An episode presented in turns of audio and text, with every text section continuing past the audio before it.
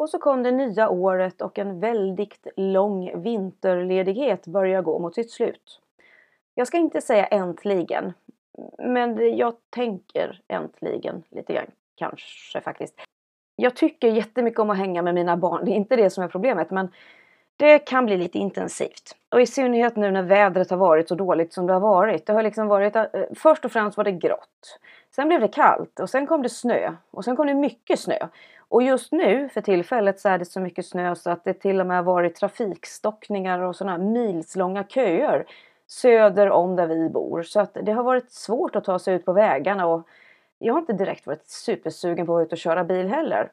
Gå promenader i skogen har inte gått sådär svinbra heller för det har varit jättemycket drivor och skitkallt när man väl kommer in i skogen. Så att nej, vi har inte varit ute särskilt mycket nu. Det har blivit mycket inomhus. Mycket Wii, mycket spelande generellt. Mycket lego, mycket pysslande. Ja, sådana där grejer man gör inomhus på vintern helt enkelt när det är lite för kallt och lite för tråkigt för att vara ute. Jag försökte göra en insats för freden idag och bylsa på mina ungar lite varma kläder och slänga ut dem i trädgården. Eller ja, slänga ut dem. Jag sa till dem lite vänligt, ni kan väl gå ut och leka i snön lite. Och det ville de, de två små. De kom in efter typ 10 minuter. De var helt stelfrusna fast de var påbylsade till max och de ville inte vara ute mer. Så jag gjorde ett försök, ett tappert försök, men de ville faktiskt inte. Men en lång ledighet, det ställer ju också en del krav på det där med föräldraskapet. När det gäller de små så är det inte så svårt egentligen. Bara man finns där och bara man är lite småengagerad i dem så brukar det lösa sig. Men tonåringen är ju lite svårare. Vi började ju för ungefär ett och ett halvt år sedan i samband med att deras pappa och jag skilde oss att eh, sätta oss tillsammans på kvällstid, jag och tonåringen, för att eh, plöja serier och filmer tillsammans. Främst serier. Det blev liksom en mysig liten tradition som vi har upprätthållit så här länge. Så när vi har möjlighet på kvällstid, några dagar i veckan, då sätter vi oss och plöjer serier. Gärna sådana där serier som har hur många säsonger som helst. Men det är ju en liten utmaning för att min tonåring är ju ungefär lika intresserad av tv, film och serier som jag är. Vilket innebär att hon har redan plöjt jättemånga serier på egen hand. När jag tänkte lite glatt sådär, oh, nu ska vi sätta oss och titta på The 100 tillsammans. Ja, då hade hon ju redan sett den givetvis. Och när jag föreslog att vi skulle sätta oss och titta på någon annan serie, ja då hade hon ju självklart redan sett den också. Så jag var tvungen att tänka till lite. Jag började enkelt först och främst med en sån här säkra kort ni vet. Gilmore Girls för 558 gången. Ja, vi tröttnade lite grann båda två. Nu har vi sett den så många gånger så det är faktiskt inte charmigt längre. Sherlock har vi sett så jävla många gånger så den orkade vi inte ge oss på. Och då föreslog jag att ja, men vi kan väl ta och kolla på den här andra skitserien då som finns. Den där Gossip Girl. Alltså den är inget bra men jag har sett den. Jag tror kanske två gånger totalt sett. Sådär liksom slötittat i bakgrunden när man har suttit och jobbat hemma eller någonting. Som man liksom haft det på som ljud liksom sådär. Behöver inte följa det utan liksom bara ha det på som ljud. Ja, det är väl sådär. Hon tycker väl att det är lite småintressant men jag tycker mest att det är lite jobbigt. Och eh, sen så funderade jag på om vi skulle kolla på en serie som heter Euphoria. Eh, det är många som har tipsat om den serien och jag har sett en säsong själv på egen hand. Men vi kom inte mer än en bit in i första avsnittet tror jag. Gemensamt hon och jag innan jag kände att det blev lite cringeigt för det är rätt så explicita sexscener och jag hade inte själv förstått att eh, Eh, det finns faktiskt en gräns även i min värld för hur mycket jag klarar av att titta på när min tonåring sitter i soffan bredvid. Så vi stängde gemensamt av den serien. Vi kollar inte på den ihop. Men det fick mig att tänka lite grann sådär som saker och ting gör ibland i mitt huvud. Jag börjar fundera. Jag eh, funderar på vad skulle jag kunna visa mitt barn som har liksom en eh, bra förebild för henne. Alltså kvinnliga förebilder. Var någonstans finns det bra förebilder för mitt barn som hon kan ta till sig? Gilmore Girls är skitgulligt. Det är verkligen jättegulligt men det är väl knappast en förebild känner jag. En liksom en småstissig morsa som fick barn alldeles för tidigt och som håller på och vimsar i sina relationer liksom på yrkesmässigt och i kärlekslivet och har dålig kontakt med sina föräldrar och lever som om hon fortfarande vore tonåring fast hon egentligen borde ta föräldraansvaret lite oftare än vad hon gör. Nej, kanske inte riktigt den sortens kvinna jag vill att mitt barn ska växa upp till att bli. Vad fanns det mer då? Euphoria? Nej, nej, nej, nej, nej. knappast. Det är ju bara knark och elände och depressioner och självskadebeteenden. Nej, det kan jag inte med gott samvete säga att jag vill att mitt barn lär sig ifrån. Vad finns det mer då? Ja, min enkla lösning på det hela det blir ju som alltid att jag går tillbaka till fantasy och science fiction.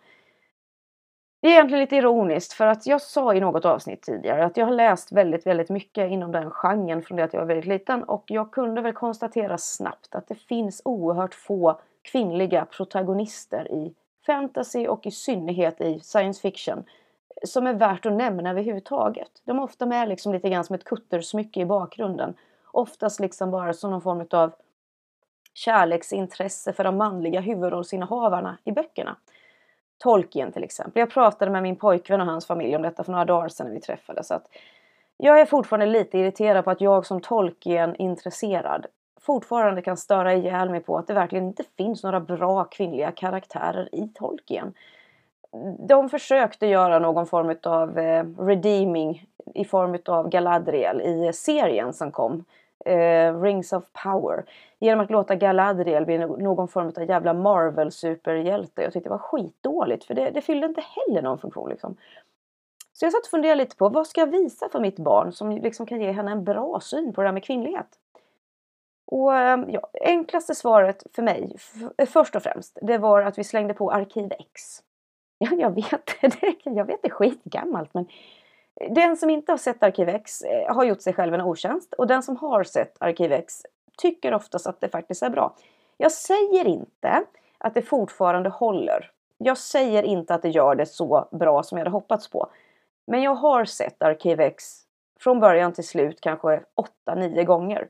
Och jag går ofta tillbaka till vissa separata avsnitt.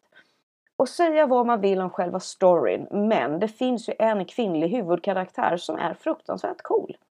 Och det är ju Gillian Andersons karaktär, Scully, Dana Scully. Hon är skithäftig. En läkare, liksom en forensic läkare som är utbildad inom FBI. Och som är liksom den där eh, rationella, smarta, kloka personen i sammanhanget. Medan Mulder då letar utomjordingar precis överallt. Hon är en jävligt bra förebild. Jag insåg det nu när vi satt och tittade, jag och min tonåring, på några avsnitt. Att henne kan jag faktiskt lite grann se upp till. Jag gillar hennes sätt liksom att ta sig an världen. Hon gör oerhört lite i serien på grund av att en man har bett henne att göra det. Eller för att hon vill imponera på en kar. Jo, mot slutet så visar det sig att hon är lite småtänd på Mulder givetvis. Men eh, hon gör ändå väldigt mycket bara för att hon vill. Och får visa sin kunskap och sin intelligens väldigt, väldigt mycket i serien.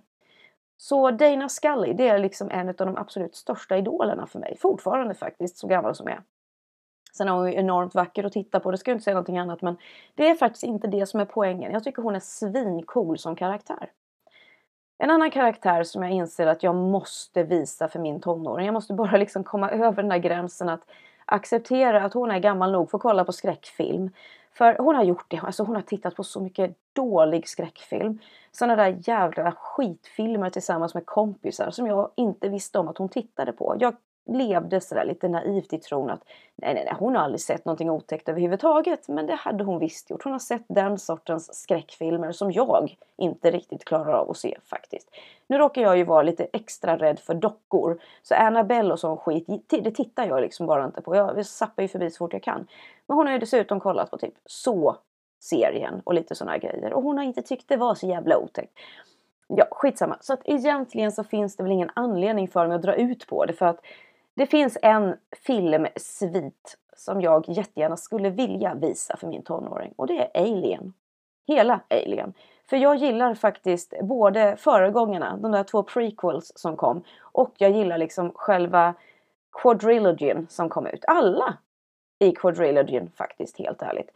Jag tycker nog att den svagaste filmen i hela den sviten det är faktiskt Alien som kom ut 1978 om jag inte minns alldeles fel.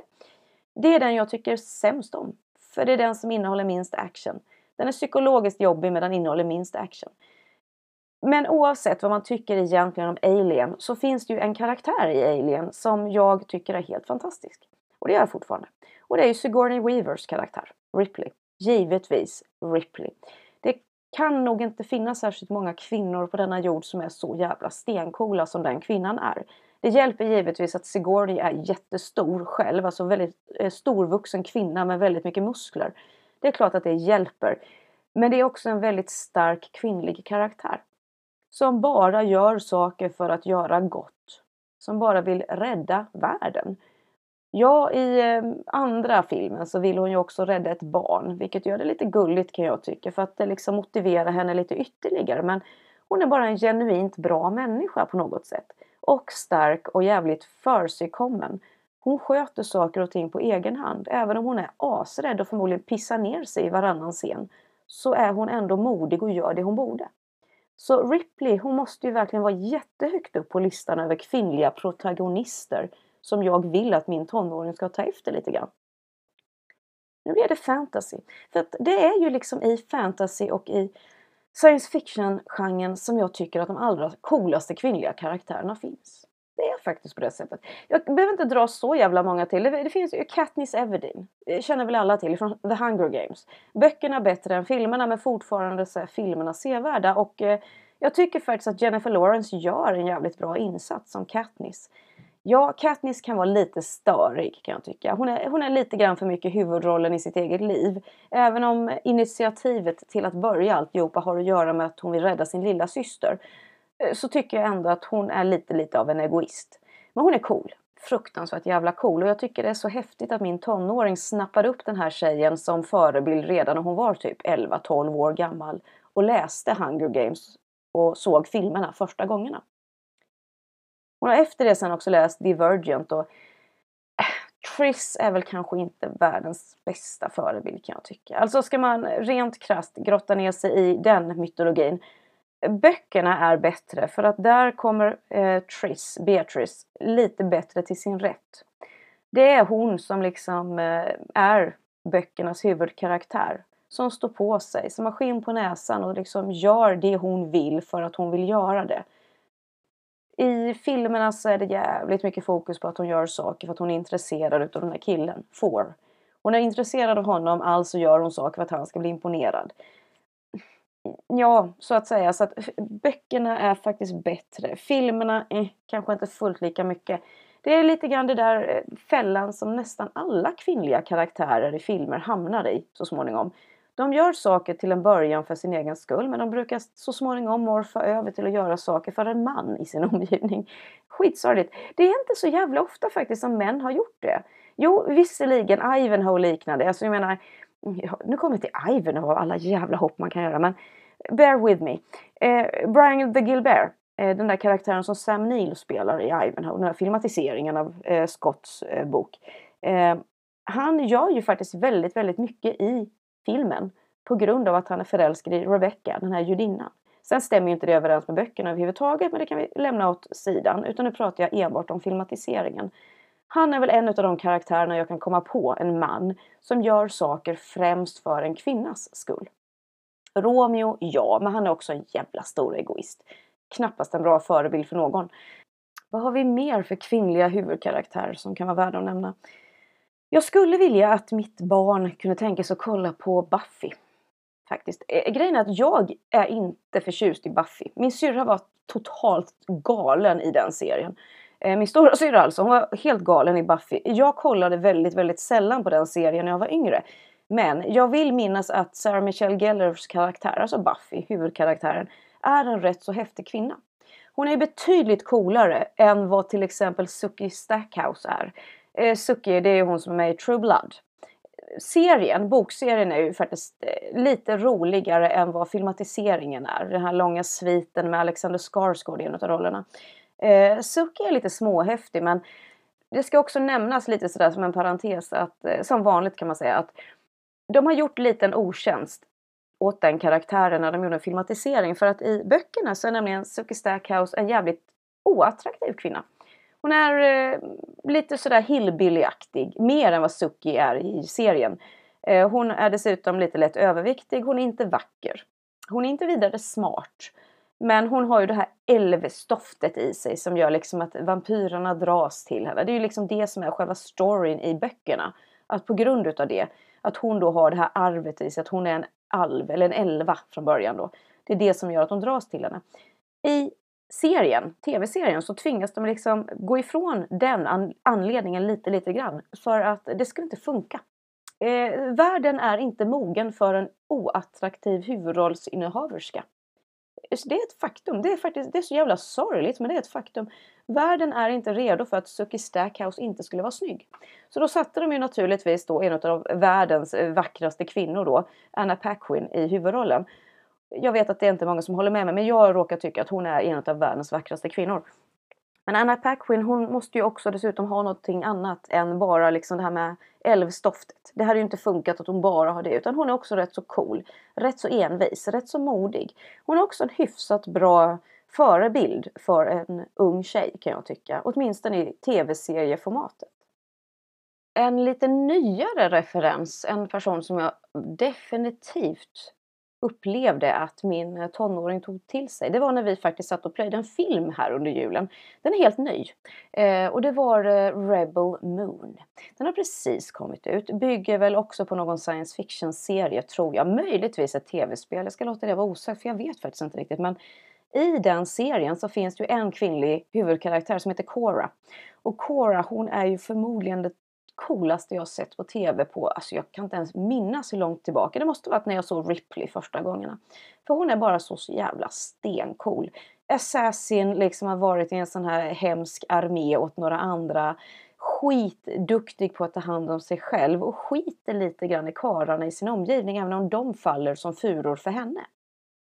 Fruktansvärt bra kvinnlig karaktär. Men det finns ju också en jävla massa dåliga där ute, sådana där som man skäms för. för att jag har liksom så här unpopular opinions av folk har jag förstått. Sånt där, eh, personer jag borde gilla men som jag aldrig tycker är särskilt imponerande överhuvudtaget. Eh, jag har ju några stycken på min lista. Eh, Jessica till exempel ifrån Dune. Mamman till huvudkaraktären.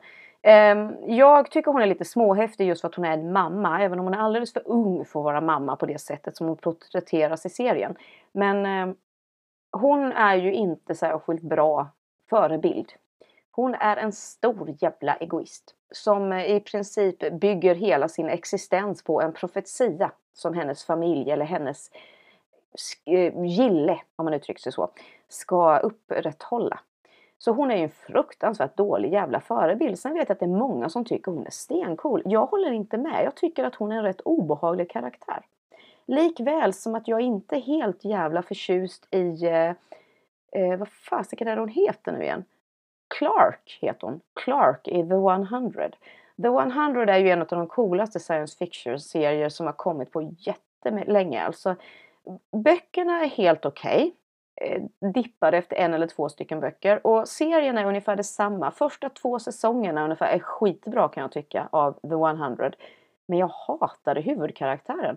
Clark då som ska vara liksom huvudkaraktären, alltså protagonisten där man ska heja på liksom. Jag önskade att hon skulle stryka med tidigt. Jag önskade så innerligt att hon var en av de där som inte skulle överleva.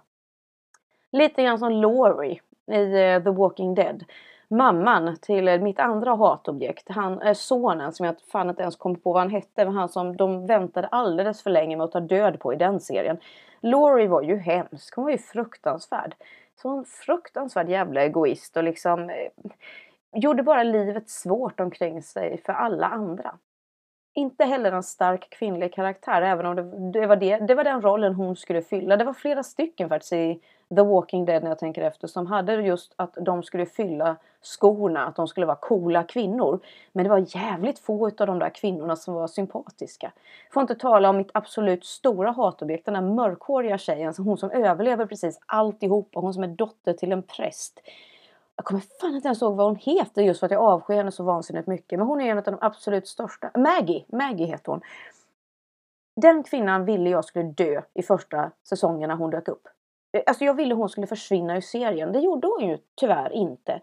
Så att jag har ju väldigt mycket unpopular opinions. Vissa personer jag verkligen bara inte gillar. Jag gillar dem verkligen inte. Generellt kan jag väl säga att jag tycker att ytterst få kvinnliga karaktärer som finns med i filmatiseringar som bygger på eh, tv-spel fyller någon som helst funktion om jag ska vara helt ärlig. Eh, Tomb Raider med Lara Croft, nej det är ingenting jag tycker att mitt barn ska ta efter. Jag tycker inte att The Ghost in the Shell eller någonting är något att ta efter heller. Det finns massa som jag inte tycker liksom fyller en funktion. Men det finns faktiskt en serie eh, som bygger på en på ett tv-spel. Eh, The League of Legends. Och det är ju den eh, animerade serien Arcane på Netflix. Den eh, kvinnliga huvudkaraktären där i. Som då är uppvuxen liksom i det här separerade samhället under mark tillsammans med en eh, syster och lite andra människor. Och sen tvingas liksom ut på någon form av vendetta. Det är en fruktansvärt cool karaktär. Och jag var jätteglad när jag såg att min tonåring då när hon började gå in i sin cosplay-fas eh, hade den här tjejen väldigt, väldigt mycket som förebild. Det finns en rimlighet i det kan jag säga för att hon är fruktansvärt cool. Så skulle jag sammanfatta lite grann vad jag tycker om det här med kvinnliga förebilder för tonårstjejer så är det jävligt svårt att hitta dem inom fantasyvärlden faktiskt generellt. Ja, det finns jättemånga fler kvinnliga starka karaktärer än vad det har funnits under många, många års tid i andra genrer. Så jag menar, westernfilmer? Eh, no, nej, not so much. Skräckfilmer generellt? Eh, nej, inte egentligen. Inte rena skräckfilmer, det är alltid de som är offren så att säga. Eh, komedier? Nej, det finns inga starka kvinnliga karaktärer i komedier oftast heller. Det är liksom, de ska vara snygga, de ska vara liksom roliga. Eh, det är viktigt att de har stora tuttar och är lite skärmiga. Men det är liksom aldrig de som bär fram storyn. Men science fiction och fantasy, de har ändå liksom jobbat hårt på att försöka få fram kvinnliga karaktärer. Jag måste faktiskt ge dem lite kudos för det. Till och med karaktären Moraine i filmatiseringen av eh, Robert Jordans svit The Wheel of Time. Den som nu har kommit i två säsonger. Huvudkaraktären Moraine hon är egentligen en liten kvinna i böckerna och hon är jävligt cool. Och de har faktiskt lyckats på något sätt att eh, anamma hennes personlighet i en något mer långvuxen eh, kvinna på TV. Eh, som jag inte kommer på vad hon heter nu. Hon har något sånt jättecoolt brittiskt adelsnamn snudd på. Hon är jättehäftig men hon i alla fall har de lyckats med. Hon är fortfarande en väldigt stark individ. Samtidigt som det dyker upp personer i serien som jag avskyr som kvinnor. Eh, Nineve Ninev och de här andra. Jag tycker de är fruktansvärda. Men Moraine har de faktiskt lyckats porträttera på ett bra sätt. Så science fiction och fantasy gör ofta ett jävligt bra jobb. Så vill man att ens dotter då, för nu, nu pratar jag döttrar. Vill man att ens dotter ska hitta en bra förebild att ta till sig av när det gäller tv-serier och filmer generellt. Då kan jag faktiskt rekommendera att man kollar på science fiction och fantasy. För eh, vare sig man vill eller inte, det utspelar sig i en parallellvärld. De har rätt att göra, sätta upp precis vilka regler de vill. För det är en parallellvärld av något slag, det är en fantasivärld. Men de brukar faktiskt ofta jobba på det där med eh, kvinnliga starka karaktärer. Så några stycken på listan har jag sagt här idag. Ni kanske har fler exempel. Jag har ju inte alls gått igenom allt som existerar. Jag har, jag har inte ens en lista framför mig utan det här är bara vad som har ploppat upp i mitt huvud under veckorna som har varit. Men det är i alla fall vad vi har hunnit med nu. Vi har hunnit med Arcane, vi har hunnit med Arkiv X. Vi har hunnit med Rebel Moon och jag ska försöka ge mig på Alien. Så att jag äntligen får se Ripley in action igen. Och kanske faktiskt till och med kan plocka fram den fjärde filmen där eh, Winona Ryder dyker upp. För det är en av mina favoriter i serien fastän jag vet att folk hatar just den specifika filmen. Men ta hand om er där ute och eh, det här var ju ett jättenördigt avsnitt, det vet jag. Men grejen var att jag gjorde en liten eh, poll precis före jul och frågade folk i eh, poddens värld, alltså de som lyssnar på podden. Eh, vad ville de lyssna mer på? Och eh, det var faktiskt förvånansvärt nog eh, nörderier och andra konstigheter som fick högst eh, poäng på omröstningen. Det var det som flest tyckte var roligt att lyssna på. Så nej, jag tänker inte gå ifrån det där med eh, personliga saker och eh, intervjuer. För jag tycker det är lite, lite för roligt. Men det här med nörderier är ju kul. Så det här var ett avsnitt som handlar om kvinnliga karaktärer som kan vara bra för ens tonårsdotter att ha som förebilder. Jag tror att det också kommer komma ett avsnitt så småningom där jag ska grotta ner mig till nördämne. Men det kommer vara med en gäst. Eh, och då tror jag faktiskt att ämnet som jag har föreslagit och han eh, rätt så snabbt hoppade på idén på. Det är att vi ska sitta och nörda ner oss och prata om vår stora passion när det gäller science fiction, fantasy och liknande. Nämligen dystopier. Ha det fint där ute, ta hand om er så hörs vi senare under den fjärde säsongen av ramverket.